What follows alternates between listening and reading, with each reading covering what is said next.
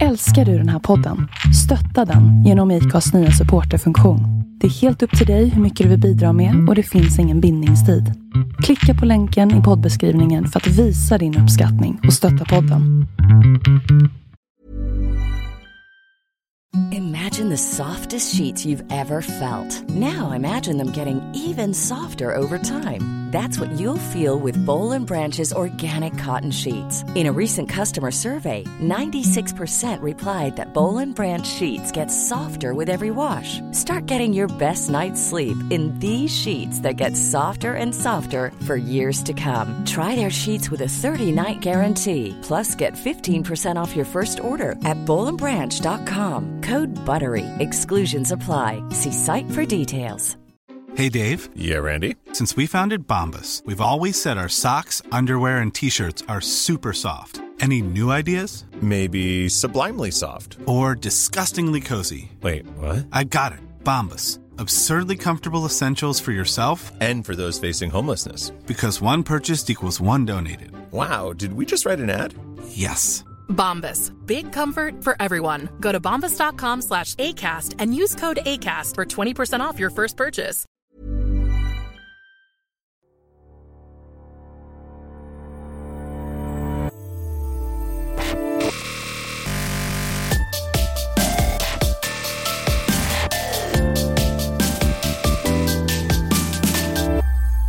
Hej och välkommen till ett nytt avsnitt av Bloggbusiness, en podcast från Better bloggers, Sveriges yrkesnätverk för bloggare. Jag heter Linda Hörnfeldt och mig hittar du till vardags på lalinda.se. Hörni, det var ett tag sedan vi hördes nu. Eh, jag har inga bättre ursäkter än detta två veckors uppehåll än eh, dålig planering och sjukdom från håll och kanter, gäster och jag och sådär. Eh, så att det är inte så att vi ska typ lägga ner eller någonting sånt utan det har bara kommit saker emellan. Som egenföretagare så blir det ju ibland så att det kör ihop sig helt enkelt. Så att, eh, men nu är vi här i alla fall. Jag skulle vilja be er om en liten, liten sak. Eh, om det är så att ni tycker att den här podden är himla bra så skulle ni då snälla gulliga vilja gå in på iTunes och ge den kanske ett litet betyg och en liten recension. Det skulle verkligen hjälpa oss att komma upp på sådana där sköna topplistor och eh, få lite mer lyssnare och kunna göra mer sköna program till er. Dagens gäst är en sån där drömgäst. Inte för att ta bort någonting från mina andra fantastiska gäster, men den här kvinnan... När jag startade den här podden så hade jag en drömlista med fem stycken personer som jag hade som, som så här drömpersoner i den här podden. Två av dem har jag redan haft med. Eh, Sandra Beijer och eh, Lidström. Någonting som är helt sjukt i sig. Eh, men nu är det alltså dags för en sån här liten eh, ädelsten till. Det är dags för min intervju med Elsa Billgren. Håll till godo.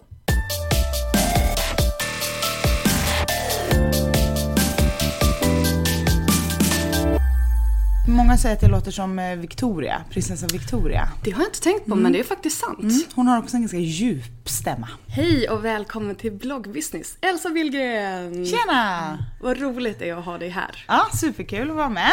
Vi sitter i din ateljé här på Konstakademin. Och eh, det, är ju, det känns ju verkligen att man liksom kliver in i din själ på något vis när man kommer Min, in min här. drömvärld. Ja men det blir ju lite så. Det är klänningar från golv till tak och det är tavlor och det är, det är, väldigt, det är en väldigt inspirerande miljö. Det är ett kreativt kaos. Exakt, ja, you said it. Jag känner att vi har kommit väldigt rätt här för, för att prata om eh, din inre värld och hur du har utvecklats. Eh, hela din, ditt kreativa arbete liksom. Och eh, i det då självklart din blogg. Men kan inte du börja med att berätta lite grann om din blogg och dig själv och vem du är, lite kort. Mm. Min blogg idag, kan man säga då kanske, är eh, jag skulle nog säga ett av mina största jobb och min största passion. Och det som jag ägnar mest tid varje dag. Det är min blogg. Eh, jag skriver en livsstilsblogg på l.se. Ehm, så att jag delar med mig av eh, vad jag gör om dagarna, saker jag inspireras av. Eh, jag försöker få den att vara en, en oas av inspiration och härligheter. Men inte för gullig, utan även lite liksom nerv. Det tycker jag är viktigt. Ärlig, utan att vara för utlämnande. Sådär lagom, men fin. Jag tycker det låter väldigt så diplomatiskt. Ja, nej, men det är en diplomatisk blogg. Det är det faktiskt. Eh, vi ska komma in mer på det senare, liksom, vart, vart gränserna går och sådär. Men hur gick det till när du började blogga? För du har ju bara bloggat på L, eller hur? Så här är det, jag har nästan bara bloggat på L kan man säga. Nära. Allt började med att jag fick jobb som PR och eh, presschef på Beyond Retro. Jag tror att det här var runt 2007 när Beyond Retro var ett år gammalt. Eh, och en av uppgifterna förutom att så här, köpa alla tidningar och klippa ut alla bilder där Beyond Retro var med så skulle man även eh, blogga på hemsidan. Och jag hade ju lite kompisar som hade bloggar men jag läste inte bloggar alls. Jag var inte alls en, jag var fortfarande en väldigt IRL-människa som inte hängde så mycket på min dator utan verkligen var ute ute i vintageaffärerna och klämde och var liksom jobba på fik innan och så här. Ja, men eh, jag skulle börja blogga och då visste jag inte riktigt vad det här med bloggande var så jag gjorde en väldigt så här konkre konkreta tipsiga inlägg, lite som artiklar. Eh, och jag för mig att mitt första blogginlägg på Beyond Retros blogg var sätt du kan styla din slips på. Och sen eh, gjorde jag rosetter av dem och rullade upp dem. Ja, var lite sådär kreativ och do it yourself men det var ingen som någonsin skulle vilja rulla upp sin slips till en liten kanelbulle och nolla fast. Men, men jag tyckte att sånt var lite kul att skriva om. Och Det var så kreativt Ja men det var lite kreativt. Och sen fotade jag min kollega Lo- Louise jättemycket och la upp på bloggen och började tycka att det var kul att fota produkter och människor och sånt. Ehm, sen så var det en tjej som hette Emma som jobbade på L som jag hade kontakt med rätt mycket. För att när man är presschef på en second hand-affär som är ganska stor. Jag var också den enda som jobbade med press och PR i second hand-branschen då, vad jag vet. Så ville någon tidning ha någonting med vintage att göra så kom de till mig. Det fanns egentligen inte så många andra att prata med.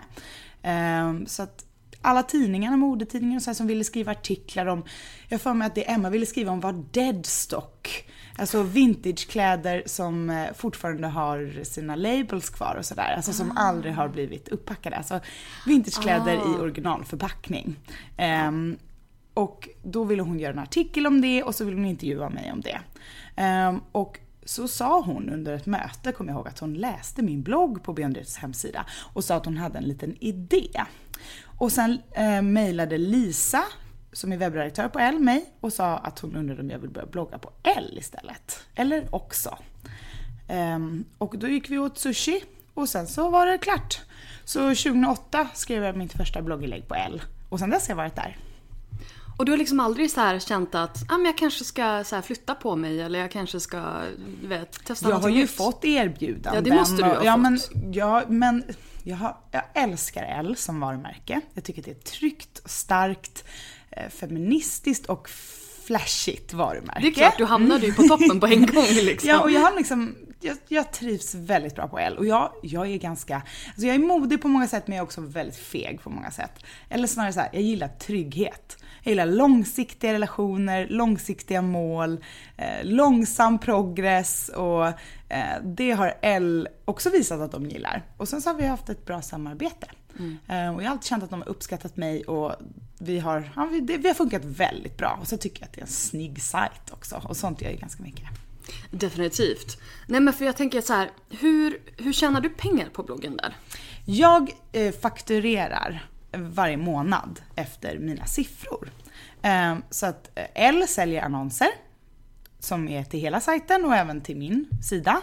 Och sen så fakturerar jag L beroende på hur många läsare jag har den månaden. Har du då per sidvisning eller har du en sån här trappa? Jag har unik läsare i månaden.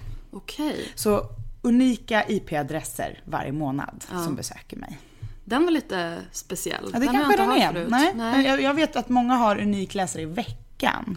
Ja. Men jag har i månaden. Det kanske inte, jag kanske ska kolla upp om jag kan tjäna mer pengar om jag har i veckan Alltså jag tror att istället. de flesta har ju liksom eh, sidvisningar. Just för när Mm. man har banners, då, är ju, då brukar man liksom, de, de, jag vet inte exakt hur du tar betalt, men i vanliga fall så brukar man ta betalt då per sidvisning. Och då att det även går ner till bloggaren. För att går de in då på nästa sida, nästa sida så får de ju en ny, en ny annons. Precis. Jag har för mig att vi kollade på det där för de har frågat mig hur jag vill ha det. Och att jag typ räknade ut att jag skulle få mindre betalt om vi gjorde så eller någonting. Men jag har en bra deal och jag känner mig trygg med det. Och jag tycker att det är rimligt. Ja. Och sen så gör vi ju mycket samarbeten ihop jag och Elle. Och det är ju mer än halva grejen. Jag berätta om det. Um, L är ju ett tryggt varumärke och precis som jag gillar inte att göra massa saker som inte känns 100 procent. Eh, så att Elle har varit ganska försiktiga med att dra in samarbeten till sina bloggare. Eh, men nu har eh, Elle kommit igång med det och även jag. Så att vi har tillsammans hittat på olika sätt att göra samarbeten. Och ibland frågar folk mig och då skickar jag vidare till L. Ibland frågar folk L och då skickar de vidare till mig. Och sen bestämmer vi tillsammans vad vi vill göra. Ehm, Och jag, just nu, jag gillar ju som sagt långsiktiga saker. Sånt som känns stort och sånt som känns tryggt och där jag kan påverka mycket och sådär. Som inte bara försvinner förbi och så kommer det aldrig mer tillbaks. Ehm, Och just nu jobbar jag ihop med Max Factor eh, och har ett väldigt långt samarbete med dem, ett år. Mm, Ehm, så pass. Jag ja. såg att du har gjort lite grejer. Ja, men så det tycker jag är roligt. Perfekt. Det jag tycker det att det är ett bra varumärke, jag tycker att det är kul, jag får vara kreativ i samarbetet. Det är långsiktigt, stort Mm. och snyggt. Och Det måste ju också vara väldigt bra för dem. Att just det här att de knyter upp en profil som du under en väldigt lång tid. Så att de också får den här, att de förknippas med dig under en längre tid. Så Jag att du tar blir ju en ambassadör även- liksom. Exakt, jag tar ju betalt inte bara för mitt arbete utan även för ambassadörskapet. Ja, för du är ju en känd profil liksom. Ja, man får ju dela upp arbetet på olika sätt. Gör jag ett samarbete som är två stycken blogginlägg eller ett Instagraminlägg, då tar jag betalt för själva arbetet. Alltså annonsen det blir. Eh, Men om man har längre samarbeten så är det också lite mer lukrativt på det sättet att det blir mer som att man slår sina kloka ihop och gör ett stort jobb. Precis, och så sen så ko- kommer du ju förmodligen också prata om det även de gånger som du inte får betalt. Alltså som nu till Ja exempel. men precis, och det är ju en del av ambassadörskapet. Precis. Och det är ju såklart en ynnest och en lyx att kunna få göra sådana samarbeten. Ja. Och speciellt ihop med varumärken som man känner sig trygg med och som man tycker är kul. Ja. Men du gör ingenting, allting går via L då för dig? Allt som rör min blogg går via L. Min Instagram äger jag helt själv. Och sen så gör jag samarbeten som är baserade på mig som profil. Jag är ju programledare också så det kan vara lite svårt att veta om eh, Blomsterfrämjandet vill göra en bloggfrukost med mig på grund av att jag är inredare, programledare eller bloggare. Det kan vara lite svårt att instagrammare. Eh, utan det är väl för att jag är jag. Eh, och då handlar ju det om mig och mitt företag och inte om bloggen. Nej precis, utan den är ju en del av det och det är väl snarare så man börjar se eh, bloggare nu. Alltså jag säger fortfarande bloggare för det är liksom en vedertagen men det är väl snarare influencers eller profiler. Just det här att man spannar över många olika kanaler och det är ju också bra för företaget som, som då samarbetar med dig för då kommer de ju ut i alla de här olika. Och så tycker jag också att det är viktigt att man tänker att som följare så följer ju folk dig för att de gillar dig. Och skulle du stå, starta, starta Snapchat eller Pinterest eller vad det är för någonting, då följer de ju dig. Det är inte så att man kanske kommer på en ny kanal och så ska man leta helt nya människor. Utan man hänger ju fortfarande med samma person för att man gillar den personen. Mm. Och just därför tycker jag också att det är viktigt att jag gör bra val. För att det viktigaste för mig är alltid läsarna. Det är ju de i första hand. Och mig såklart, att jag inte ska lida. Det ska ju vara kul för mig och kul för läsarna. Annars Alla det ska helt bli nöjda. Ja men annars är det faktiskt ganska onödigt. Då kan jag knega med något annat. Ja men eller hur. Och sen är det ju också så att du har ju, alltså dina följare är ju, de älskar ju dig. Alltså det gör de ju verkligen. De är ju hängivna. Det är ju verkligen så här. Man, man ser ju verkligen på dem och jag älskar dig Elsa och du är så himla bra och du är så skön och du är så fin och sådär. Och, och det är ju verkligen en, det är en specifik person liksom. Så att den relationen är ju värd så otroligt mycket. Så skulle du liksom börja så här du vet, hatta ut och göra reklam för någonting jättekonstigt skulle de bli såhär, men okej nu det här är konstigt. Ja, jag är ju väldigt glad över att jag har ganska smarta läsare som faktiskt säger till rätt fort om de tycker att någonting är knasigt. De, gör kan ju verkligen berätta för mig hur sajten funkar, vad som borde tweakas, vad som... Så det är ju som att ha ett gäng liksom hjälpare med sig varje dag. Jag såg Och det, det var någon skönt. som hade tagit upp det i senaste kommentarerna tror jag som du tog upp, svara på kommentarer. Ja, var ja men precis, de skickar skärmdumpar på grejer som inte funkar, grejer som kan vara bättre, har Och du lite bara, jag, önskemål. ko- jag ska kolla med Ja, eller? men jag gillar det, för det betyder att vi gör någonting tillsammans. Och det är det som är skillnaden varför man inte gör en tidning till exempel. Det här är ju någonting som är interaktivt. Mm. Och det är ju läsarna och jag tillsammans. Jag skäms ju inte över att fråga läsare, vad vill ni, vad, var det här bra? Nu har jag ändrat det här till det här, funkar det? Eh, gillar ni det här? Vad, vad är bra när jag gör och inte gör? Jag tycker inte att det är något man ska skämmas över. Jag är inte perfekt, jag är ju bara en människa. Alla läsarna kan ju hjälpa mig med hur vi gör min plattform till så bra och intressant som möjligt. Men de svarar ju och de är ju delaktiga med dig. Det är inte alla så här, skulle jag så här, eller jag, alltså skulle vem som helst slänga ut, vad, vad tycker ni om det här? Det bara silence. Ja, det där ju är ju också respons. vad är hönan vad är ägget. Man Ja. måste också börja involvera läsarna för att läsarna ska våga göra sig hörda tror jag. Mm. Sen så är det såklart lyx att jag eh, startade ju en blogg och fick ganska många läsare direkt. Och får man mycket läsare från starten så är det ju mycket lättare att bibehålla dem, kan jag tänka mig i alla fall. Eller det var ju väldigt lyx, börja med mycket läsare och mycket kommentarer. Jo men kan vi prata om det? För jag menar du kom, du kom till L. Eh, och jag, alltså jag måste bara säga också, jag har ju följt dig sen Beyond Retro-tiden.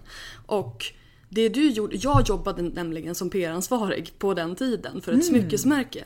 Och det du gjorde med Beyond Retro som PR-person var ju helt otroligt. Alltså det var verkligen, jag var så här, alltså hon gör det här så bra så det är helt bisarrt. Och sen liksom att du kunde kapitalisera på det som profil. Det var ju det var ett genialt, en genial övergång där för du använde ju Beyond Retros brand och det gick så bra ihop med vem du var. Så att när du gjorde PR för det så gjorde du PR för dig själv också på ett sätt. Ja, gud vad glad jag blir när du säger så. Jag är ju också sådär att när jag väl har hittat någonting jag gillar, då lägger jag ner allt i det. Alltså även min själ och min person. Och Beyond Retro är ett sånt där varumärke som jag älskar. Och gjorde från start. Jag sökte ju kanske 10-15 gånger innan jag fick börja jobba som butiksbiträde där. Det är ju, jag vill ju inget annat. Eh, Så när jag kom in där och sen skulle börja PR för någonting, att göra PR för något som man brinner för och älskar. Eh, och jag är också linslus, så jag är inte så bra på att gömma mig, utan jag använder mig av mina goda liksom, egenskaper. Och det tycker jag man ska göra oavsett vad de är. Eh, sen så finns det ju säkert folk som jobbar med PR som är jättebra på att inte blanda in sitt eget varumärke i det de promotar. Och det är ju säkert bättre i många avseenden. Men, men jag är ganska bra på att visa upp mig själv och försöka göra någonting av det också. Så det funkade bra ihop då. Ehm, och sen så, ja det är sättet jag jobbar på helt enkelt. Men det blev ju liksom, då fick ju Beyond Retro en ambassadör och ett ansikte i dig på en gång där. Alltså, och sen var ju det såklart i förlängningen en, en fantastiskt bra grej för du har ju fortsatt prata om det så det är klart att Ja, vi har de fortfarande ju... ett jättebra samarbete. Precis. Sådär tio år senare. Och det är Exakt. sånt jag menar. Det är det som är viktigt för mig. Nu gör jag personal shoppings på Beyond Retro. Ehm, det, vi har ju egentligen ingenting med varandra att göra, vi är bara vänner. Mm. Ehm, så att de tillåter mig att komma in och vara Liksom, jag kan komma in en halvtimme Mm. innan ibland om jag frågar och få plocka ihop lite grejer och sådär. Jag gillar den känslan av att De ringer dig när de får in nya Ja men brudklänningar. precis, man, kan, man, man ska visa vad man verkligen tycker om och så får man liksom hålla tag i det på något sätt. Mm. Ehm, det tycker jag är viktigt. Det, och jag, jobb, det, jag är uppvuxen med två föräldrar som har haft sitt jobb som sitt liv. Eh, så att det har varit helt naturligt för mig att verkligen så blanda ihop yrke och privatliv till en enda gröt. Det var det jag tänkte fråga, alltså var kommer den här passionen ifrån? För jag ser ju på dig, du är ju verkligen, du bara... När du älskar någonting, då älskar du verkligen någonting. Men jag, har, jag är alldeles för rädd för att ha tråkigt och inte bry mig. Alltså, jag är ju sådär, är jag, jag blir rastlös på tre sekunder. Jag är ganska lat, alltså jag vill inte liksom bära saker och så, men, men jag vill inte ha tråkigt. Så jag vill ha intryck hela tiden. Ehm, och det gör att jag eh, bara ja, passionerar mig ner i saker och gör det. Liksom. Ehm, och som sagt, min bakgrund betyder nog jättemycket i mitt yrkesval. Jag lyssnade ju på ett föredrag med dig på Vintagemässan, nej vad hette det? Nu ska vi se. Det som var i Gamla stan där.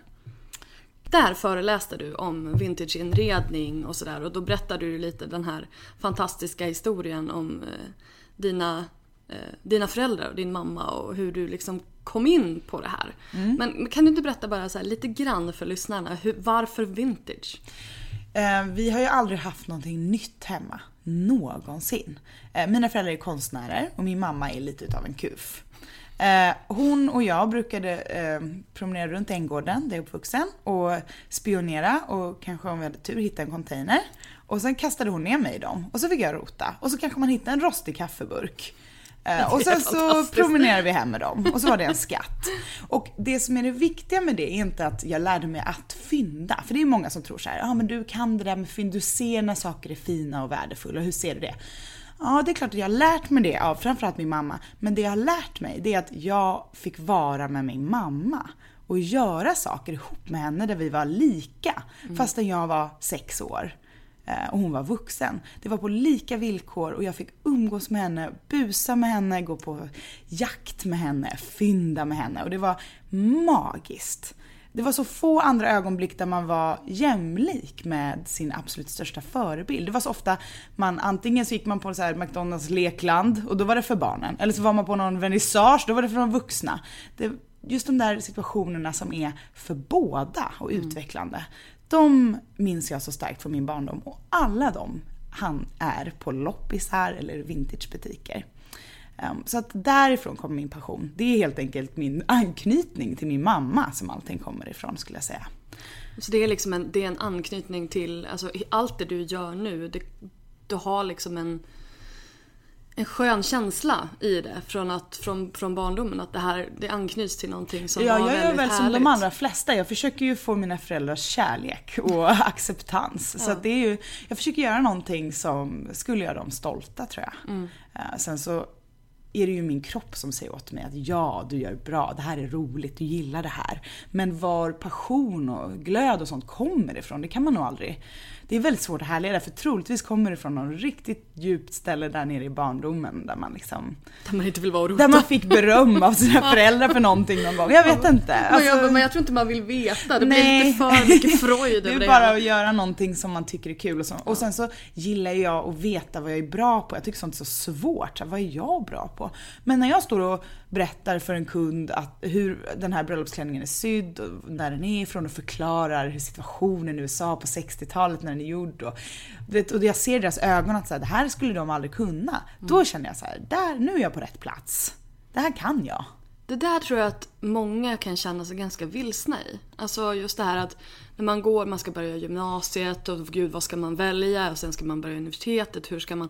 Alltså just det här att hitta sin plats i världen. Alltså f- var det alltid så här, har det alltid varit så tydligt för dig att det är det här du brinner för? Det har alltid varit extremt otydligt. För att det är fortfarande otydligt. Vad är det jag gör egentligen? Jag har ingen aning. Eh, Jag har inget konkret jobb. Eller liksom, jag vet inte vad jag gör om två år. Ehm, Så det är otroligt riskfyllt. Det handlar väl helt enkelt om att vara så dumdristig att man inte skapar sig en trygg plan. Eh, och och så gör man bara det som funkar just nu. För några år sedan så hade ju inte jag en bröllopsklänningsuthyrning. Men det var det folk ville ha. Då, då fixar jag det liksom. Så att man får vara ganska följsam och, och liksom lyssna på alla andra också. Lyssna på kunden, efterfrågan. Vad, vad tycker de jag är bra på? Låta dem definiera mig också. Inte vara rädd för det. Eh, Om folk tycker jag är en, en kurvig vintage-tjej, då får jag vara det. Vad jag än tycker själv. Det är det jag ska syssla med då. Om det är det som tillför andra människor någonting. Och du kan plocka det ur, ur det du gör. Ja, jag liksom. kommer alltid gå åt passionen för att jag hatar att ha tråkigt. Så jag vill liksom hela tiden vara stimulerad. Så jag kommer röra mig dit oavsett. Och om jag inte jobbar som bloggare, programledare programledarområde, då kommer jag gå tillbaka till att jobba i en vintagebutik. Det är liksom alltid min fallback zone. För att, att vara nära klänningarna, det gör mig lycklig. Och det är det enda som betyder någonting. Gud vad fint. Jag blev- jag kände att jag kom av mig lite grann. Ja, vi var någonstans där med hur det började med bloggen tror jag. Sen försvann vi iväg. Nej men jag fick ganska många läsare snabbt. Det var det vi pratade om. Ja, och det var för att hur gick det till? det gick till så att L hade en del läsare från början. Och jag tror att det fanns ett behov av en bloggare som mig. Som inte var en så klassisk modebloggare med svarta smala jeans och titta under lugg och bara Det här var köpte Elin Acne-grejer. Kling-tiden, Ja men liksom. precis, det var, fanns många starka modebloggare, inget ont om dem. Men Nej, det nej, fanns nej, ju men så många ganska som mycket- ville läsa bloggar. Och det fanns ganska få sorters bloggar. Så det fanns ett utrymme för en blogg där någon färgglad galen människa drack alldeles för mycket vin och tog bilder på allting liksom. Mm. Eh, och sen så var ju jag och Sandra Beijer Mm. bra vänner och hon eh, skrev om mig på sin blogg och då dök ju alla över dit också. Så att jag fick jättemycket gratis läsare av henne, vilket jag är jätte, jättetacksam för såklart. Och sen så, har, sen så är bloggvärlden ett väldigt så här positivt ställe. Om man väl har kommit igång och liksom visat upp sig lite så har man en ibland eh, chans att bli länkad av andra och liksom folk pratar om en. Och sen så har jag alltid sysslat mycket med andra medier som TV och sådär. Alltid gjort mig sedd. Eh, och finns man på ett ställe och finns en på ett annat så brukar folk hitta över till båda. Eh, så att eh, jag har ju varit programledare sedan jag var 19 år så jag tror att det har hjälpt mig ganska mycket med mitt bloggande. Att jag Sen har du varit var offentlig. 19? Ja. Vad, vad, vad gjorde du? Jag bara, hur gammal är du? När var det här? 29, 10 år sedan. Det är tio år sedan. Vad gjorde du då? Ja, alltså jag gick i gymnasiet Mm. eh, och jag gick Södra Latins gymnasium eh, på deras teaterlinje. Som var ah, de tre bästa åren i hela mitt Makes liv. total sense. Everything Det makes var- total sense now. Det var fantastiskt roligt. Det var liksom, det var allt. Det gav mig allt. Eh, och där brukade det faktiskt komma folk som sysslar med casting och tv-produktioner och film och liksom hitta folk som är inte dödsnervösa framför kameran. Eh, om man vill ha någon mellan 16 och 19 så går man till Södra Latins teaterlinje så har det alltid funkat. Eh, och jag blev upplockad där av en castingperson. Eh, började göra lite casting för eh, olika dramaserier eller sånt där. Gjorde lite TV som skådespelare. Och eh, sen så gjorde jag en casting för ett program som hette, vad hette det? Någonting flört. Det var ett så här datingprogram på trean. Men jag fick inte det jobbet, det var Josefin Crawford som fick det jobbet kommer jag ihåg. Men de, min casting-tape, alltså det bandet, hamnade i VDn för ZTVs händer. Och hon tyckte att hon såg någonting i mig, plockade upp mig och sen fick jag göra massa program på ZTV. Som Acne Film producerade, så det var väldigt kul produktioner. Även om det var lite efter ZTVs glansdagar så var det ändå en bra skola för mig. Ja. Och sen då? Jag menar, hur, hur kom sig... Alltså, I vilken ordning kom allting? Jag gjorde Uppladdat och Coco Beng och Tribut och massa så här härliga program på ZTV som handlade om artister. Jag liksom intervjuade massa artister och gjorde mm, program om eh, YouTube och alltså massa så här små men saker som är nu helt enkelt. Eller då kan man väl säga. För tio år sedan. S- som som var nu. nytt då. YouTube. YouTube-klipp. och sånt coolt. Ehm, och, eh, och sen så kommer jag ihåg att jag var, nej, jag jobbade ju fortfarande, eller sen så jobbade jag som PR-person på Beyond Retro. Och då kommer jag ihåg att jag ehm, Ehm, det kom ett program, Antikdeckarna på TV4, kom dit och ville göra ett inslag om jeans. Och jag visade upp våra jeans som kostade 8000 kronor som var ett par Levi's Big E från 40-talet tror jag det var. Och så började jag babbla jättemycket om dem. Ehm, och de filmade och de bara, men gud, du är ju en bra programledare. Jag bara, mm, sa inte att jag hade gjort jättemycket TV på ZTV, men de hade inte sett det för att det var så ungdoms-TV. Så då plockade de upp mig. Och sen så gjorde jag några säsonger av Antikdeckarna på TV4. Och sen gjorde jag lite barnprogram på UR. När man väl är inne i TV-branschen, en ung tjej som är lite knasig, färgglada vintagekläder och som liksom inte är rädd, kan ha en chans ändå. Så gjorde jag barnprogram på UR och sen så gjorde jag Melodifestivalen på SVT. Alla deras webb-livesändningar. Så det var ett stort, och efter det sa jag upp mig på Beyond Retro, det var 2010. Och sen dess har jag varit helt frilans och jobbat med Äntligen Hemma i många säsonger. Alltså jag tycker att det är så intressant att egentligen så är det liksom, alltså det är två parallella karriärer om man säger så, som ändå sitter ihop på något vis. Men det är ändå så här, du har tv-grejen här och så har du blogggrejen här och så sen någonstans här börjar de bara sätta Ja, ihop sig. jag brukar säga att jag jobbar med vintage och media och så gärna så mycket av båda samtidigt alltså, vad som heter möjligt. det? Vad står det på din, så här, på ditt företags, den här du vet, Ja, vad verksamhetsbeskrivning? står det? Alltså det där är alltid så svårt. Jag tror jag har skrivit så här, vad skrivit? Litterär verksamhet typ. Eller styling tror jag jag har skrivit. Ja, men det För kommer man då får man köpa saker, det är jättebra. jag tror det står styling faktiskt. Precis, tips från coachen. Skriv Ja, styling. Skriv styling, då kan man dra av saker. Nej men, eh, nej men vintagen, det här handfasta, historiska, gamla, det här som man verkligen kan ta på. Det där som är större än vad vi är. Och sen det här onåbara, luddiga, media. Liksom ettorna och nollorna. Och sen gärna de två, det gamla och det nya tillsammans. Det tycker jag är jättekul. Det är en fantastisk kombination, bara man hör det så liksom. Att man slår ihop det äldsta och det nyaste. Och det är vad jag gör när jag gör TV och blogg och Instagram och allting. Och allmänna samarbeten. Men alltså i, i, i efter, efter, vad heter det, kruset? Klassisk, det är klassiska efterkruset. Det klassiska efterkruset. Efter båten du vet. Efter, Ja, efterdyningarna kanske man brukar säga. Ja. Så är litterär verksamhet. Ja. Du har det.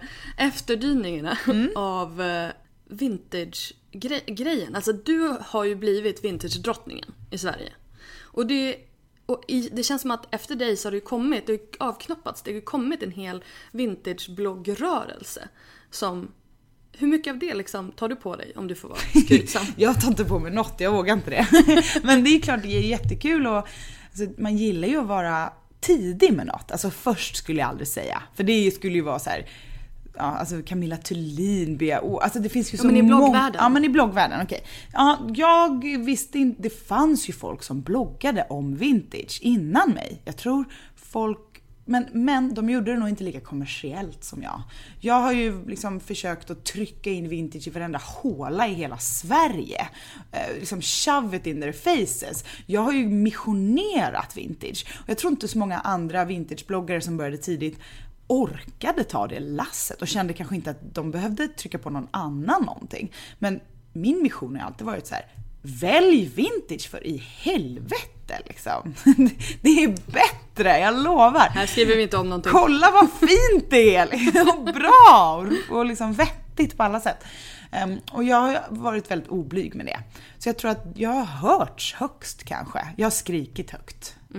Um, och sen så har jag varit på en stor modeplattform som på något sätt har visat att så här, vintage är okej, även i den här fina fashionistavärlden. Um, och det är ju en bekräftelse. Och det tror jag gör att många känner sig modigare och vågar skriva om vintage och do it yourself och liksom visa upp sina klänningar och att det inte är töntigt att vara girly, man får vara vad fan man vill helt enkelt. Um, det är bara att uttrycka sig, det är det bästa. Och sen så känner jag också, nu när du säger liksom just det här att man får vara girly. Det känns som att vintagevärlden har ju också eh, blivit ett avstamp. Det är, det är väldigt mycket feminism i vintagevärlden. Eh, Jag skulle säga att det är mycket feminism i bloggvärlden. Ja, det, ja För definitivt. jag, jag, tycker, jag tycker jag ser feminism inte bara hos vintagebloggare utan liksom monkeybloggare också, eller vad man ska säga. Jag tycker att det är, jag tycker att det är ett, det är så här, tjejerna har tagit över bloggvärlden, tjejerna visar vad skåp ska stå. Feminismen är viktig. Alltså, ja, det kändes som att du bara samlade ihop där vad det, vad det var jag ville att vi skulle prata om. Men hur tro, eh, om vi ska utveckla det lite grann. Hur viktigt tror du att bloggandet har varit generellt för feminismen? Eh, väldigt viktig. Alltså tjejer har fått en, en eh, plattform att göra sig hörda på och tjäna pengar på och visa liksom, ja men eh, att tjejer också kan göra business på tjejgrejer också. Att inte man behöver klä sig i en kostym och gå in och vara VD på ett stort bolag för att vara feminist utan man kan också liksom bara vara i sin egen lilla verksamhet och vara feminist. Och att det finns stort och smått och att vi alla hör ihop. För bloggvärlden är liksom ett stort community och det skapar ju en väldigt stark vi-känsla. Eh, och det känns som att det är någonting som har hänt på 10-talet och som nu Selling a little or a lot? Shopify helps you do your thing however you cha-ching. Shopify is the global commerce platform that helps you sell at every stage of your business. From the launch your online shop stage to the first real life store stage, all the way to the did we just hit a million orders stage. Shopify is there to help you grow. Shopify helps you turn browsers into buyers with the internet's best converting checkout. 36% better on average compared to other leading commerce platforms because businesses that grow grow with Shopify. Get a $1 per month trial period at shopify.com slash work. Shopify.com slash work. Imagine the softest sheets you've ever felt. Now imagine them getting even softer over time. That's what you'll feel with Bowl and Branch's organic cotton sheets. In a recent customer survey, 96% replied that Bowl and Branch sheets get softer with every wash. Start getting your best night's sleep in these sheets that get softer and softer for years to come. Try their sheets with a 30-night guarantee. Plus, get 15% off your first order at bowlandbranch.com. Code BUTTERY. Exclusions apply. See site for details. This Mother's Day, celebrate the extraordinary women in your life with a heartfelt gift from Blue Nile. Whether it's for your mom, a mother figure, or yourself as a mom, find that perfect piece to express your love and appreciation. Explore Blue Nile's exquisite pearls and mesmerizing gemstones that she's sure to love. Enjoy fast shipping options like guaranteed free shipping and returns. Make this Mother's Day unforgettable with a piece from Blue Nile. Right now, get up to 50% off at BlueNile.com. That's BlueNile.com. fortsätter vara starkt. För att vi har ju varit individualister så himla länge. Um, men bloggvärlden är, det är en enda stor smet av härliga människor och kreatörer. Och det tror jag har gjort jättemycket för fem, den moderna feminismen. Alltså jag blir, så, jag blir så glad när du säger det där. För att nu, det jag känner liksom med Better bloggers, det är liksom just det här att försöka samla alla de här coola kvinnorna. Jag tror att vi har typ, vi har drygt 600, nästan 620 medlemmar nu. Jag tror att det är typ kanske 3-5 killar av alla dem. Så de finns, de finns, men de är i otroligt eh, stor minoritet. Ehm, så att det jag brukar säga det är liksom att man har den här den här branschen som styrs av unga kvinnor. Och de bara äger det. Och därför så tycker jag att det är viktigt att vi så här, inte håller på och tjafsar med varandra, de här bloggbråken som var stora ett tag, utan att vi hittar den här styrkan i varandra och stödjer varandra och lär oss av varandra så att vi verkligen kan driva den här branschen och att vi lär oss så mycket som vi bara kan och att, att vi lär oss av varandra. Och då är, där är ju du en som verkligen har varit med ett tag och kan lära andra. Ja, alltså jag, min blogg är ju till för läsarna framförallt. Oavsett om man är en bloggare eller sjubarnsmamma eller liksom farfar eller vad man är så, så vill ju jag skriva en blogg som är till för de som läser och som stärker människor. Jag vill att det ska, man ska känna sig lite mer pepp när man kommer från min sida. Um, sen så tycker jag ju såklart att bloggvärlden, att det är en viktig aspekt. Men, men jag tänker på liksom alla som är ute på internet generellt och att man måste ha en god ton och att vi måste vara schyssta. Sen så får det faktiskt inte bli tråkigt bara för det.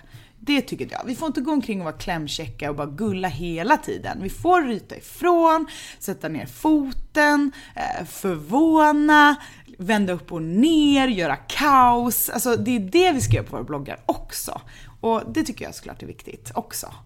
Inte bara det här liksom klappa varandra på ryggen, det är klart man ska göra det. Men vi får inte glömma att vi, må, att vi har en, liksom, en stark rörelse, att vi kan göra jättemycket. Självklart, självklart måste man liksom säga ifrån och som sagt man har ju sin plattform. Men inte det här med att liksom hålla på och bitchfighta bara för att man ska liksom vara provokativ. För det var ju så ett tag så skulle man ju bara snacka skit om folk bara för att eh, få trafik i stort Ja. sett. Det där är så konstigt. Alltså de bloggarna har jag aldrig läst. Jag vet inte ens vad det är för bloggar. Jag vet ju att det finns människor som är liksom eh, personer i media som är såna som skriver saker för att uppröra och skriver saker som de måste fatta själva är jävligt puckade. Liksom. Det låter inget bra och det är inte bra för någon att de öppnar sin mun i några som helst expertsammanhang överhuvudtaget. Och de har bloggar och de får mycket trafik för att de skriver sjuka saker. Men vi kommer liksom alltid klicka på länkar där det är liksom “Look at this weird stuff and you won't believe what happened after”. och du vet, det är ju den effekten. Det är någonting annat liksom. Det är så här, man kan inte hjälpa, man måste gå in på Flashback och kolla vem som kan ligga bakom. Vem är den där kändisen som har knarkat på krogen och så här. Den här bilolyckan, man kan inte titta Nej men bort. det är lite så, men det är liksom något annat tänker jag. Och en blogg, jag tror inte en blogg kan överleva i, många, jag har haft blogg sedan 2008 på att man liksom bara försöker klicksöka och provocera och luras för att man är ganska, alltså det, det tycker inte jag. Utan man ska Man får ju ingen relation ur det. Nej, det verkar så tråkigt och utpumpande själv också. det är jobbigt att liksom sitta och vara sin egen liksom, redaktion och bara liksom, klickredaktion. Ja, och ha det här kevlaret på sig hela tiden. För att jag menar, om man skriver skit så kommer man ju få skit tillbaka. Så att då måste man ju vara den här, man måste ju vara så liksom, ha den här, det här klädseln på sig hela tiden. För att hur mycket kan man ta? Ja, nej, men för jag, jag kan ju få lite så här kommentarer ibland, men jag brukar ofta lyfta upp dem och så reder vi ut det, så pratar vi om det och det tycker folk är väldigt intressant ofta att läsa reaktioner och känslor och sånt där. Men det är ju för att vi vill ju inte ha, vi vill inte läsa bloggar som är så här, det bara är dagens outfits och liksom, det går inte att det går inte, nej men, eller det kanske säkert, det finns säkert jättemånga som vill läsa det. Jag, vet inte. Men jag menar, det måste ju ändå få vara ett liv bakom också. Ja, men om man en ska kunna få en relation. människa. Det Ja. måste vara på riktigt liksom. Jag tror att det är ju, jag menar visst det finns ju, det finns ju definitivt mycket stora liksom, modebloggar som är baserade på outfits och så. Men då är frågan, de är ganska utbytbara då kan jag känna. Jag menar, om, du inte, om du inte får en känsla för personen och relaterar till personen. Då kan ju du lika gärna hoppa över till nästa person som klär sig snyggt. Liksom. Förstår Jag tänker så här, ska man blogga, då ska man utgå från sig själv. Jag skulle aldrig kunna göra en bara en Dagens Outfit-blogg. Men det finns ju andra som gör det jättebra. Det jag vill göra, det är en sån blogg som jag gör.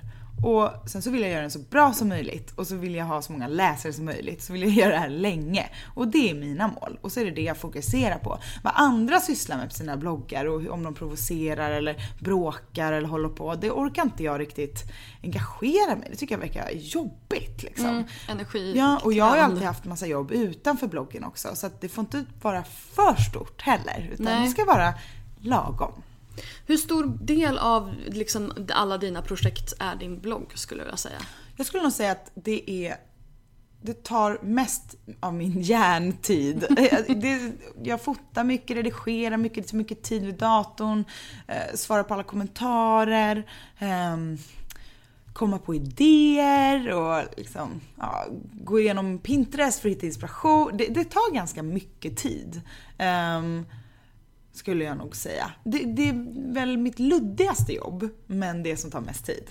Men det är också för att det är roligt. Det är det jag styr. Jag är ju redaktör och liksom, jag gör allting själv kan man säga. Precis, som bloggare är man ju Ja, det. på Äntligen Hemma är jag ju bara inredaren och programledaren. Så finns det ett helt team som gör alla de där sakerna som jag gör i mitt huvud för bloggen. Mm. Så att man är, ju, man är ju som en hel tidningsredaktion i huvudet. Eh, Ja, det är det. hitta bra, liksom, det ska vara olika, det ska vara ärligt, det ska vara kul, det ska vara spännande och ja, mycket. Så det, man tänker ganska mycket. Hur, hur ser ditt planeringsförfarande ut när du, när du planerar blogginlägg och hur- producerar du om man säger så? Jag Har du någon- bloggar två gånger om dagen på vardag- vardagar och en gång om dagen på helgerna. Eh, På söndagarna skriver jag rätt mycket för att på måndagarna har jag några återkommande inlägg. Först ett, ett schema för veckan och sen ett inspirationsinlägg. Och för att de två ska kunna komma på måndag förmiddag, om jag har inspelning från åtta, då hinner jag inte göra det. Så då behöver jag göra det på söndagen. Så på söndagen brukar jag göra rätt mycket. Och sen så, så fort jag har tid över så börjar jag redigera bilder från helgen. Uh, och sen så beroende på, man kan säga att så här, jag jobbar med annat varannan dag i veckan. Alltså jag har inspelningar eller andra uppdrag som tar hela dagen. Och varannan dag i veckan har jag liksom mitt eget jobb, kanske här i ateljén, lite provningar. Och då har jag alltid tid att sitta med bloggen och bilder och sånt. För det behövs att man får några timmar i rad för att verkligen... Och jag gillar ju så här gå och träna efter jobbet och så här, träffa Pontus och äta middag eller ta en AV med någon kompis. Jag vill inte jobba så mycket då egentligen. Utan min bästa jobbtimme förutom själva vanliga jobbtimmarna, det är nog innan frukost. Åh, Gud, jag önskar att jag orkade. Ja, men jag, är, jag är en morgonmänniska. Ja, på kvällen är, du vet, det går inte. Det blir så dåliga blogginlägg när jag skriver på kvällen. Just nu är jag varken morgon eller kvällsmänniska. jag vill bara sova jämt. Ja men så här års är man ju det. På hösten är det Ja. ju riktigt mörkt. Men har du liksom en kalender då? Typ att jag ska skriva, att, att du har blogginlägg som är liksom förproducerade och klara? Nej. Alltså jag, jag bloggar ganska man kan väl säga så här, på helgen brukar jag ofta fota för då gör man ju saker som är roligare än bara jobb. Eh, och de kommer i början på veckan. Sen så brukar jag faktiskt titta i min, jag har ju en riktig kalender, alltså en IRL-kalender för att det ger mig mycket mer fokus och kontroll. Och då kan jag som se över veckan, så brukar jag skriva så här blogg högst upp ovanför datumet när jag märker att så här, här är lite roliga saker, jag ska gå på det mötet, sen ska jag gå på en sån lunch, vad roligt! Och så här, då skriver jag blogg för då kommer jag ihåg att jag ska ta med kameran den dagen och så fotar jag den dagen. Så Ungefär så. Och sen så kan jag ju komma på idéer. Mest med hjälp av mina läsare. Som skriver så här, kan du inte berätta om hur du tänker om kropp och ideal? Och sånt. Och då kan jag liksom, när jag får feeling och har tid, sätta mig och skriva ett sånt inlägg. Och då kan det vara ibland veckor, ibland dagar innan jag publicerar det. Det måste vara väldigt eh, liksom, skönt, eller alltså just den här resursen. Du, att slänga ut till dem, bara, vad vill mm. ni läsa? Nu har jag den skönaste grejen. Jag har en grej som kallas för önskevecka. Då är det en hel vecka som bloggläsarna bestämmer i varenda inlägg. Så det är två inlägg om dagen på vardagarna och ett på helgen. Vad blir det? Tio, nej, tolv, tolv, tolv. blogginlägg. Och jag har gjort alla dem. Så när som helst som jag känner för det kan jag bara så här, bam! Nu kör vi. Så, så, bara, och så åker hel, jag ut. Så drar jag, lägger mig och sover. Ja, då har jag en hel vecka ledigt.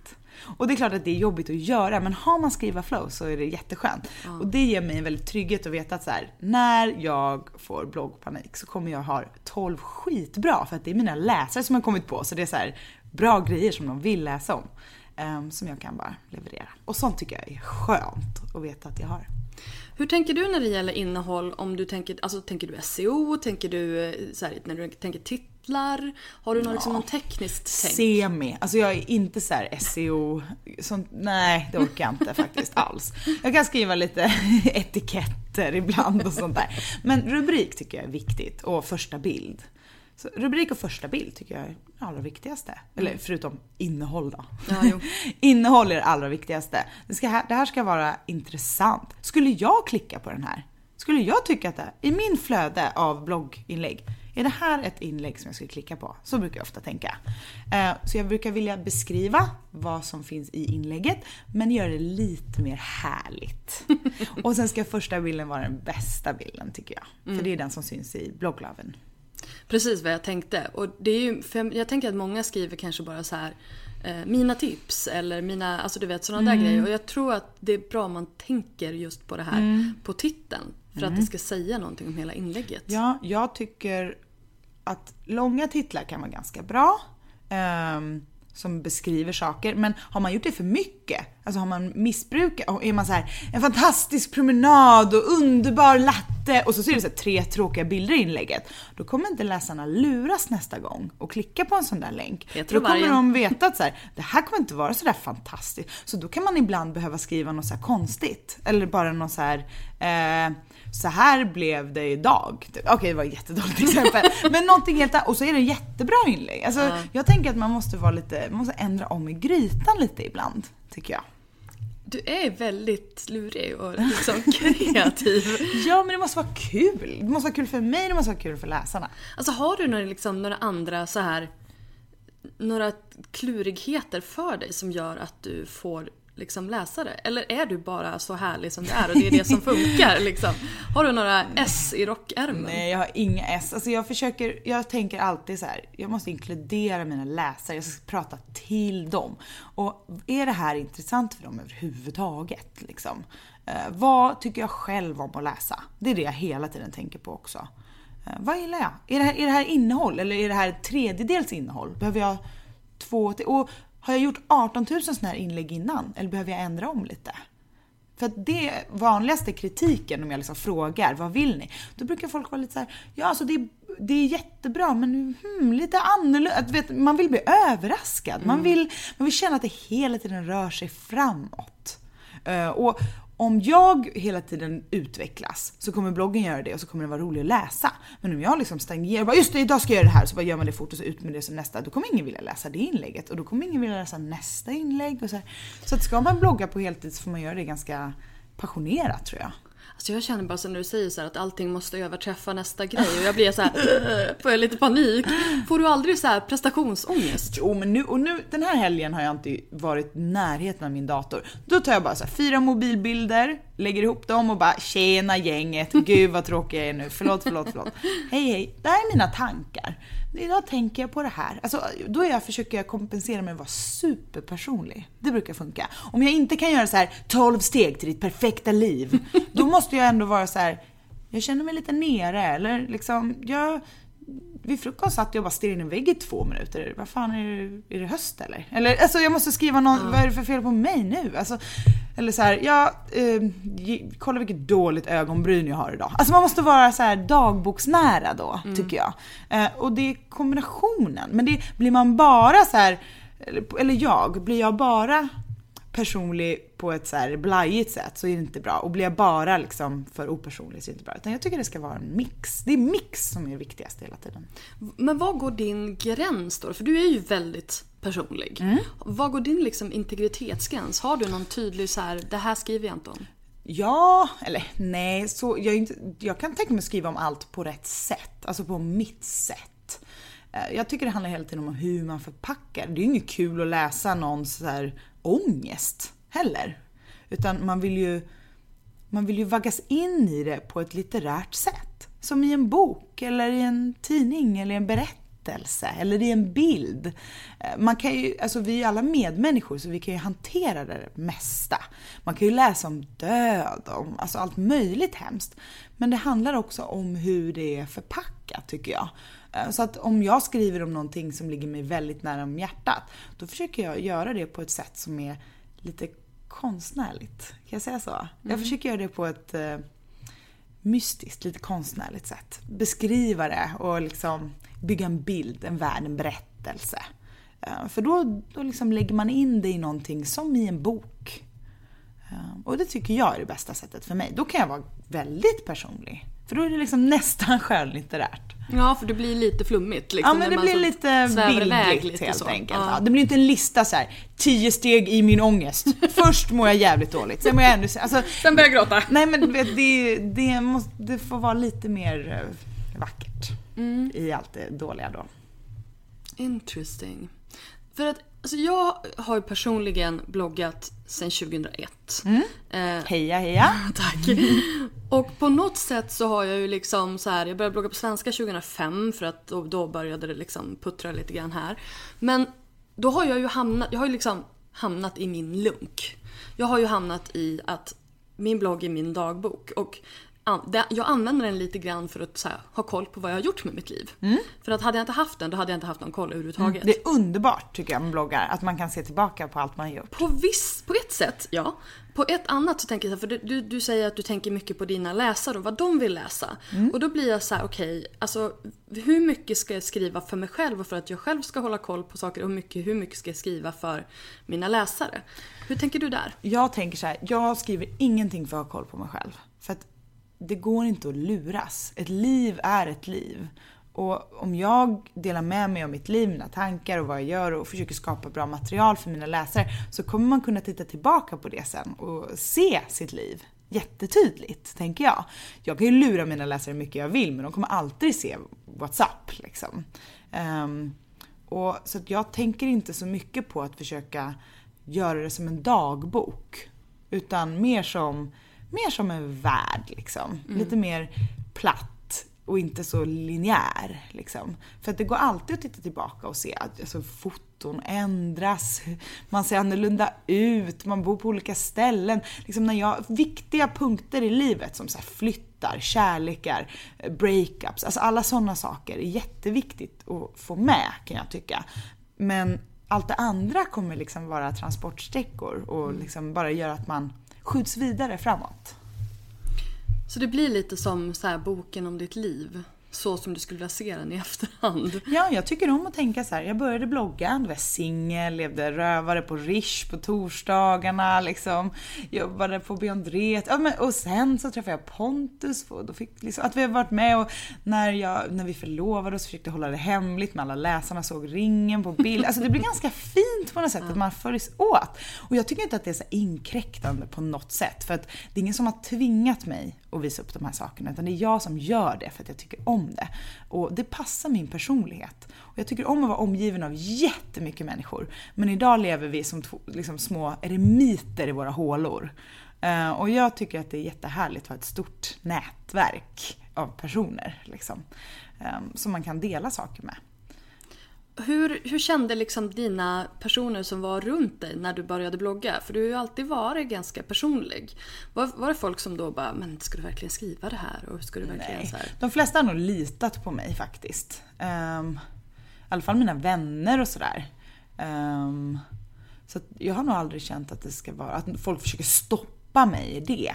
det. Det har jag inte känt. Sen så är ju vissa mer och mindre sugna på att vara med på bild. Men det kan man ju inte göra någonting åt. Så får det ju vara. Det får ju de verkligen bestämma. Man måste vissa, respektera ja, men Vissa vängäng är mycket mer liksom tycker om att synas och ställa upp sig i gruppbilder och här är vi och woho! Och, liksom, och andra kompisgäng är lite mer såhär, jaha okej, okay. ja då gör vi väl oss fina. Då ser det mer ut som så här liksom, familjefoton från 74 när man fotar. Alltså, vet, det, men det är fint på det, för det, det, det, man kan utläsa lika mycket i det. Liksom. Mm. Så att jag tror att folk fattar vilka mina kompisar är och vilka typer de är. Och liksom, för att man märker det när man får följa med så länge. Vad är liksom, nu, det du gör nu, nu gör du, du gör bloggen, du gör Äntligen Hemma, du gör personal shopping, du gör din eh, brudklänningsuthyrning. Vad gör du mer? vad har ja, du mer? Gör jag du har ju lite böcker där. Ja, nej, men nu skriver jag inga böcker just nu. Ja, men du har några som du har skrivit. Jag, jag, jag har skrivit två böcker, precis. uh, nej men man kan säga så här, Äntligen Hemma och bloggen med dess samarbeten och eh, min vintage business. Det är liksom de tre grundpelarna i mitt arbetsliv för tillfället. Och det är precis lagom tycker jag. Och hur, om, om man säger liksom hur, eh, för din vintage business är väl ändå ganska beroende av din blogg? Skulle du säga det? Ja och nej. Alltså bröllopsklänningsuthyrningen har ju spridit sig långt utanför min blogg eh, och till ett eget nätverk, det vill säga brudarna. Eh, brudar som vill ha fina klänningar kommer hitta det oavsett. Det är inte bara bloggläsare, det är verkligen inte bara bloggläsare som kommer och hyr bröllopsklänningar utan det är folk som ska gifta sig som gör det. Eh, och som vill hitta en vintageklänning och då hittar de mig. Ehm, så att det är lite, men sen så personal shopping är ofta så här, killar som vill ge till sina tjejer som läser mm. min blogg eller som gillar vintage och sådär. Men det är så svårt att veta. Men som sagt, jag har inga planer på att sluta blogga eller sluta programleda eller sluta med någonting. Eh, men man kan säga att vintage Alltså bröllopsklänningsuthyrningen den kommer ju från mina bloggläsare, alltså mm. hela idén. För att, att jag har haft en, ett fönster ut har ju gjort att jag har fått mycket tips och frågor och sånt som gjort att jag hela tiden haft koll på min efterfrågan. Så att i början när jag bara hade några klänningar så var det ju, de ju här på två sekunder och knackade på dörren och frågade om de fick prova och hyra. Och när de väl gör det då kan jag fota och visa och då kan jag våga köpa in fler och sen så rullar det på. Jag tycker det här är så himla roligt för att du har ju Alltså bloggen är ju, det pratas mycket om content marketing just nu i liksom digital marknadsföringsvärlden. Och jag menar content marketing det är ju det vi har hållit på med hela tiden. Bloggare är ju proffs på att skapa content. Liksom. Um, och det, jag tycker att det är så härligt att det blir så automatiskt för dig. Jag menar som din alltså bröllopsut, eller klänningsuthyrningen och personal shoppingen. Alltså det är ju liksom inte så här, det här är content marketing utan det är ju bara det kommer ju bara per automatik. Ja, alltså har man ett extremt intresse och en kunskap kopplat till det så kommer man alltid vara intressant tror jag. Inom det området, så länge det området är någorlunda intressant. Eh, och det skapar ganska mycket styrka för en själv att veta att man kan någonting. Och om det är någonting jag kan så är det att få folk att se jäkligt snygga ut i gamla kläder. Eh, och det kommer jag fortsätta hålla på med. För alltid. Och det är ju det också, jag menar, det här känns ju som att det är någonting som bloggare borde ta till sig. Just det här att hitta din lilla, så här, din, ditt lilla hörn. Vad är det du är bra på? Vad är din liksom, USP, din unique selling point? Vad är din eh, specialgrej? Och du kan vintage. Inte bara så här, du kan hitta snygga klänningar på Beyond Retro. Utan du kan vintage. Alltså Mm. du kan historia, du kan liksom alla de grejerna. Så att även om du inte skulle då ha en blogg så då skulle du kunna göra det på många andra sätt. Kanske då som content marketing, alltså skriva för någon annan, fota för någon annan. För att jag tror att många bloggare de fastnar lite grann så här, ja men det här är min blogg, det är mina fyra väggar, det är här jag ska vara. Men du har ju någonting i din blogg som har anknutit till andra människor och det är ju förmodligen en kunskap som du skulle kunna ta ut på andra håll också. Ja, alltså jag försöker ju inte gå mot en feeling, att göra liksom en feeling av saker. Utan jag vill gå mot konkret information och kunskap. Det tycker jag är viktigt. Jag läser på jättemycket och verkligen utövar mitt arbete hela tiden. Jag vill kunna allt om vintage. Jag vill verkligen det. Och det har varit min drivkraft. Och jag tror att det är ganska betryggande för människor.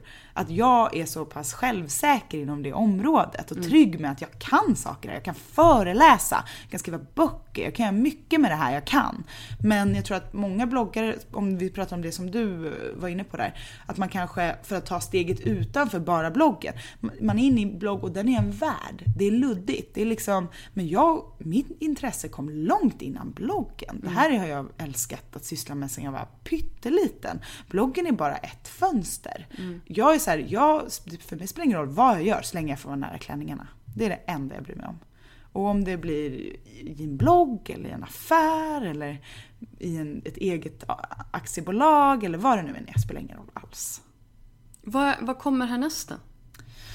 Ja, det visar sig vet du. Jag tycker inte alls Oj, nu att... blir måste Ja, filimarisk. verkligen. Nej, men det, allting har sin gång. Och det kommer röra sig åt det hållet som det är menat. Um, och det viktigaste är att man har sköna veckor, ett skönt liv, uh, försöker vara lycklig och lära sig saker hela tiden. Om det man brinner för. Jag tänker inte på att jag måste ha stora projekt annars kommer jag vara ointressant. Nej, jag försöker bara vara lycklig och trivas. Jag tycker det här är så himla skönt för när man träffar dig så ser man ju bara att din blogg är ju inte ett Alltså det är, ju, det är ju inte någonting som är iscensatt. För att jag vet ju att både du och Sandra fick ju lite, så här, fick lite skit för ett par år sedan just så här att allting skulle vara så perfekt och ni hade den här drömvärlden och, och förebilder och allt vad det var. Och ni bara nej nej nej fast nu får ni liksom Nu får ni tagga ner lite grann. Det här har inte vi bett om. Um, men jag tycker att det är härligt att för det, jag tror att många som säger sånt, för det första så läser de inte utan de tittar på bilderna. Och bilderna är fina och då är det liksom, då blev det helt plötsligt så att det skulle vara någon slags perfektion. Men ni, ni är ju väldigt mänskliga i det ni skriver. Eh, så att jag tycker ändå att det här, när man träffar dig, det handlar ju om att man har en positiv syn på livet och att man tar för sig och att man är livsglad. Och allt det kan du liksom kanalisera i bloggen och det är det, det är därför den blir så inspirerande. Ja, alltså det bästa är ju att kunna försöka få en själv och det man, det sista man tänker på innan man somnar och det första man tänker på när man vaknar, att få det i sin blogg. Då har man ju lyckats tänker jag. Och så spelar det ingen roll vad det är, oavsett hur man mår eller om man är orolig eller trygg eller vad som helst. Det ska ju vara personligt, det är ju det som är hela idén tänker jag. Eh, Och sen så får väl folk tycka vad de vill om ens blogg. Alltså det kan man ju inte, sen så kan jag, jag gillar ju att ta tips och sådär men om folk tycker den är dålig så kan de bara gå någon annanstans. Så, svårare än så är det inte. Det är något jag har lärt mig mina föräldrar. Vet, min mamma har gjort så tapeter med tjejers kön. Alltså du vet, hon, hon bara alla gillar inte det här. Men det skiter jag i. Du vet, det är bara strunta Alltså om man skulle bry sig om vad alla tyckte. Då kan man ju bara gå och gräva ner sig. Då finns det ingenting kvar att göra. Nej, definitivt inte. Alltså jag måste bara tjuvkika här för att jag har ju fått, jag fick lite frågor på Mhm, Instagram spännande. igår. Jag skrev att jag skulle träffa dig så då måste jag bara leta reda på dem. Hur mycket tid lägger du på bloggen? Det där är så här samma som hur många klänningar äger du? Alltså jag har ingen aning. Jag sitter inte och klockar mig. Men alltså jag borde kanske göra det. för jag lägger säkert alldeles för mycket tid på den jämfört med vad jag får betalt eller på att säga. Nej men man lägger, alltså jag, jag bryr mig så mycket om den. Så jag lägger så otroligt mycket tid på den. Och jag vet inte vad jag ska skilja hjärnverksamheten från liksom datarbetet. Men om man ska generalisera så kanske två timmar om dagen. Alltså jag gör så all vaken tid. Ja. Ja men det är typ all ja. vaken tid. Men, eh, men För då har du ju inte räknat in typ när du fotar, när du är ute Det är ju på... så olika varje dag. Det är verkligen skitsvårt. Man kan säga så här, mycket. För det, det här är liksom en följdfråga. Var drar du gränser med vad du delar? Till exempel i form av foton från dagar du dokumenterar. Eh, jag fotar ju inget som jag inte kan tänka mig att dela. Eh, jag vet ganska mycket innan vad jag ska... Alltså, jag har gjort det så många år så jag känner liksom... Det är inte att titta på bilder och bara nej det här går inte. Så händer det så händer aldrig. Ehm, men i, i och för sig, ibland måste man ju vara på gränsen lite. Ibland måste man vara lite... Alltså ibland är det läskigt att lägga upp inlägg. Och bara undrar, okej hur ska det här tas emot? Uh-oh. Och så kan det tas emot jättebra och då vet man så här, ja ah, men skönt, då kommer jag över den tröskeln. Eh, så så kan man ju också såklart göra. Men det finns ingen regelbok eller liksom tidsgräns och alltså sådana där saker. Utan jag går på magkänsla helt enkelt. Mm. Har du någon assistent? Nej, det är intressant för det är också såna grejer som många tycker att jag ska ha. Och jag har ju haft massa praktikanter och sådär och det går ju såklart bra. Men jag vill göra allting själv. Alltså jag vill verkligen Det det. är det här lilla kontrollfreaket. Ja, ja, men det är också att jag älskar varje millimeter av mitt jobb så jag vill inte dela med mig överhuvudtaget. och jag jobbar inte med sånt som är så här. det är inte att jag sitter och så här klipper ut grejer hela dagen och det tar flera timmar så att jag inte, i och med att jag gör det inte kan göra provningar. Utan jag gör bara det som jag gillar. Och ingen annan kan redigera mina bilder, ta mina foton, göra mina provningar. Ehm, Alltså jag skulle ju snarare behöva ta in någon som ibland typ syr klänningarna, fixar till dem någon gång eller jag vet inte, alltså lite så. Men, men egentligen behöver jag ingen assistent. Min pappa skaffade assistent när han var 50 år. Jag tänker att ungefär då kanske jag är redo. Men det låter bra. Men det beror också på, jag kanske hittar på något annat jobb som jag verkligen behöver en assistent i. Ja precis, men just nu så klarar du det ganska bra. Ja, alltså det är mycket att göra men jag vet inte, jag vill inte dela med mig. Allt är ganska kul. Vad, vad är ditt recept för att få en trogen och växande följarskara? vara sig själv, vara ambitiös, vara modig, vara personlig och dela med sig av sina svagheter och styrkor. Hur många besökare har du nu? Ehm, runt mellan 80 och 100 000 unika besökare i månaden. Kan man säga. Det är ganska många. Ja det är kanske det, jag har ingen aning. Alltså jag har inget att jämföra med. Men eh, jag är glad för dem, varenda en. Eh, sen vill jag, vill jag avsluta fråga. Vad, vad är dina eh, tre bästa business-tips till bloggare? Ehm, umgås med människor som är inspirerande och häftiga. I det tipset ingår också att skaffa en mentor. Alltså en äldre person som sysslar med det du gör, som du ser upp till. Och så bara bombardera den människan med frågor. Staka den människan verkligen. och sen två, skapa ett ställe där du arbetar som är inspirerande. Alltså omge dig, jag brukar alltid säga det, jag har sagt det kanske 17 gånger i den här intervjun nu. Jag älskar klänningar, därför omger jag mig av klänningar. Det gör mig lycklig. Så omge dig av det som du tycker allra mest om, så kommer du bli inspirerad hela tiden. Um, och sen, ah, vad ska vi ta som tredje? Inse att du är viktig och värdefull och känn att du är så generös att du kan dela med dig av det till andra. Jag blir alldeles söt. Vad fint! Eh, jag, jag känner att jag, bara, jag skulle vilja fortsätta prata i all evighet men nu har det gått en timme så att eh, då, tror Då får vi det vara nog Då får för den här nog. gången. tack snälla Elsa för att du ville vara Ja, med tack i för att du kom hit. Det var jättemysigt.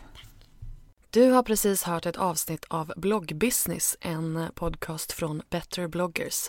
Podcasten hittar du såklart på iTunes och på bloggbusiness.se. Vi finns även på Facebook, på Twitter och på Instagram, at betterbloggers. Lämna gärna en kommentar med vad du tyckte om intervjun eller kanske lämna ett önskemål om en framtida gäst. Tack för att du har lyssnat. Ha det bra. Hej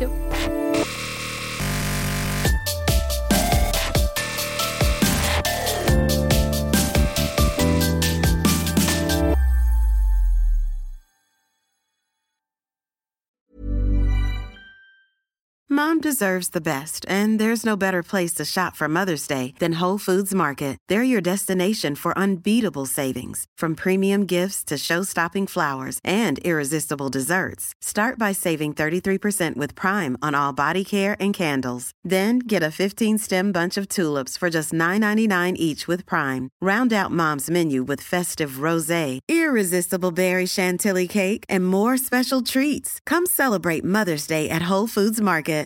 Imagine the softest sheets you've ever felt. Now imagine them getting even softer over time. That's what you'll feel with Bowl and Branch's organic cotton sheets. In a recent customer survey, 96% replied that Bowl and Branch sheets get softer with every wash. Start getting your best night's sleep in these sheets that get softer and softer for years to come. Try their sheets with a 30-night guarantee. Plus, get 15% off your first order at bowlandbranch.com. Code BUTTERY. Exclusions apply. See site for details.